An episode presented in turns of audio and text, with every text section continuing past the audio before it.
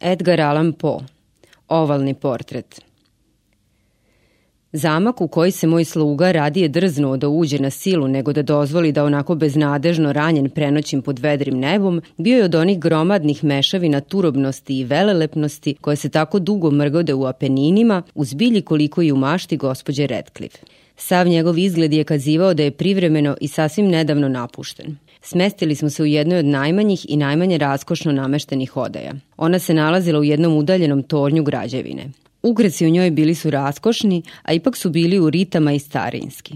Zidovi su joj bili načičkani mnoštvom trofejnih grbova raznih oblika i sijasetom veoma nadahnutih modernih slika u ramovima ukrašenim raskošnim zlatnim arabeskama. Ovim slikama što su visile ne samo s glavnih površina zidova, već i u mnogobrojnim uglovima koje je zahtevala čudnovata arhitektura zamka, ovim slikama me je snažno privuklo možda bunilo koje me je počelo obuzimati.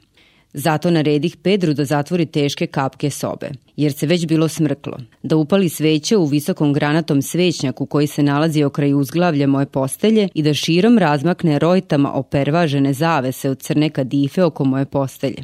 Naredio sam da to posvršava kako bih se predao, ako ne snu, ono bar malo posmatranju ovih slika, malo čitanju knjižice koju sam našao na jastuku, a koja mi je izgledom kazivala da te slike objašnjava i opisuje. Dugo, dugo sam čitao i predano, predano posmatrao. Sati su proticali brzo i predivno i nastupila je mrkla noć. Položaj svećnjaka mi nije bio po volji, pa da ne bih uznemirio usnulog slugu, s naporom ispružih ruku i postavih svećnjak tako da svetlost više ne baca na knjigu. Ali time sam postigao nešto sasvim neočekivano. Zraci sveća sad su padali u jedno udubljenje sobe koje je jedan od krevetnih stubova dotle držao u dubokoj senci. Tad na jasnoj svetlosti ugledak sliku koju dotle nisam primećivao. Bio je to portret mlađane devojke na pragu ženstvenosti. Brzo pogledak sliku, a onda sklopih oči. Zašto to učinih? Isprva nije bilo jasno ni moje svesti. Ali dok su mi očni kavci tako bili sklopljeni, potražio sam u mislima razlog što ih onako sklopih. Bila je to nagla kretnja koja mi je dala vremena da razmislim, da ustanovim da me oči nisu prevarile, da smirim i obuzdam u obrazilju za trezvenije i pouzdanije posmatranje. Posle svega nekoliko časaka opet sam usredsređeno gledao onu sliku. Da sad vidim dobro, u to nisam mogao niti hteo da posumnjam, jer prvi blesak koji je osvetlio platno kao da je odagnao onu sanjalačku obamrlost što mi je neopaženo obuzimala čula i namah me je vratio u svet jave. Portet je, već sam kazao, prikazivao mlađanu devojku. Bili su naslikani samo glava i ramena, načinom koji se stručno zove vinjete. Veoma srodnom stilu glave dragom naročito saliju. Ruke, grudi pa i završeci sjajne kose neprimetno su se stapali smutnom, a ipak dubokom senkom koja je činila pozadinu celine. Okvir slike bio je ovalan, bogato pozlaćen i ukrašen filigranom, ala moresk. Kao umetničko delo, od te slike ništa nije moglo da bude izvrsnije. Ali tako silno na mene nije mogla da deluje ni izrada dela, ni besmrtna lepota lica. To je moglo da bude najmanje zato što je moja uobrazilja koja se prenula iz polosna naslikanu glavu držala za glavu žive osobe.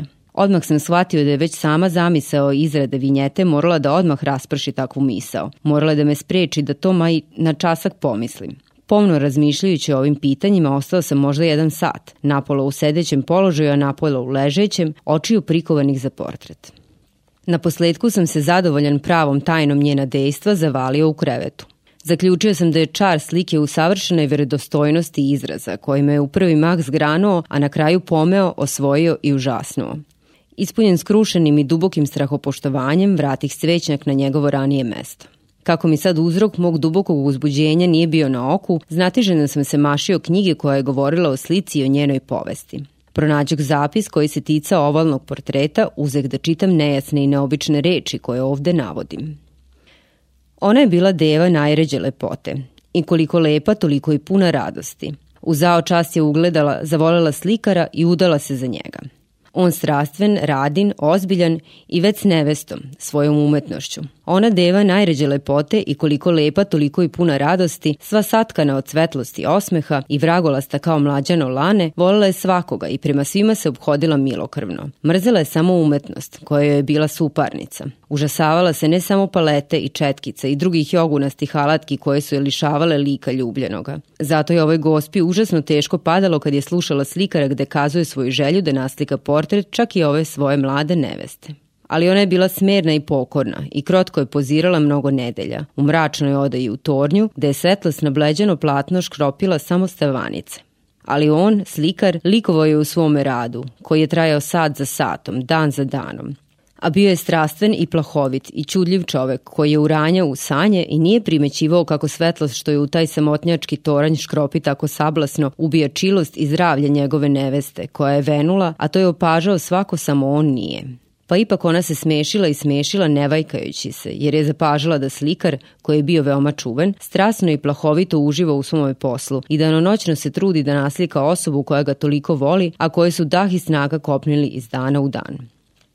I doista, ono nekoliko ljudi što su videli portret tiho su govorili da je njegova sličnost s modelom veliko čudo i da je dokaz koliko veštine slikareve, toliko i njegove velike ljubavi prema osobi koju tako nenadmašno verno slika. Ali najzad kako se rad primicao za vršetku, nikom nije bio dopušten pristup u toranj, jer slikar je bio van sebe od revnosti s kojom je slikao i bezmalo nije odvajao oči od platna, čak ni da bi bacio pogled na lice svoje žene i nije primećivao da su boje što ih nabacuje na platno boje iz obraza žene koja mu pozira. A kad su minule mnoge nedelje i kada je preostalo još malo posla, još samo potez četkicom preko usana i preliv preko oka, duša gospe opet zatitra kao plamen u čašici lampe.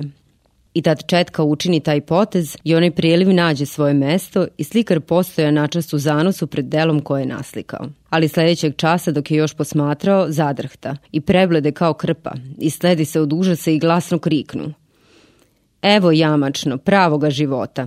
Naglo se okreti da pogleda ljubljenu, ona bejaše mrtva.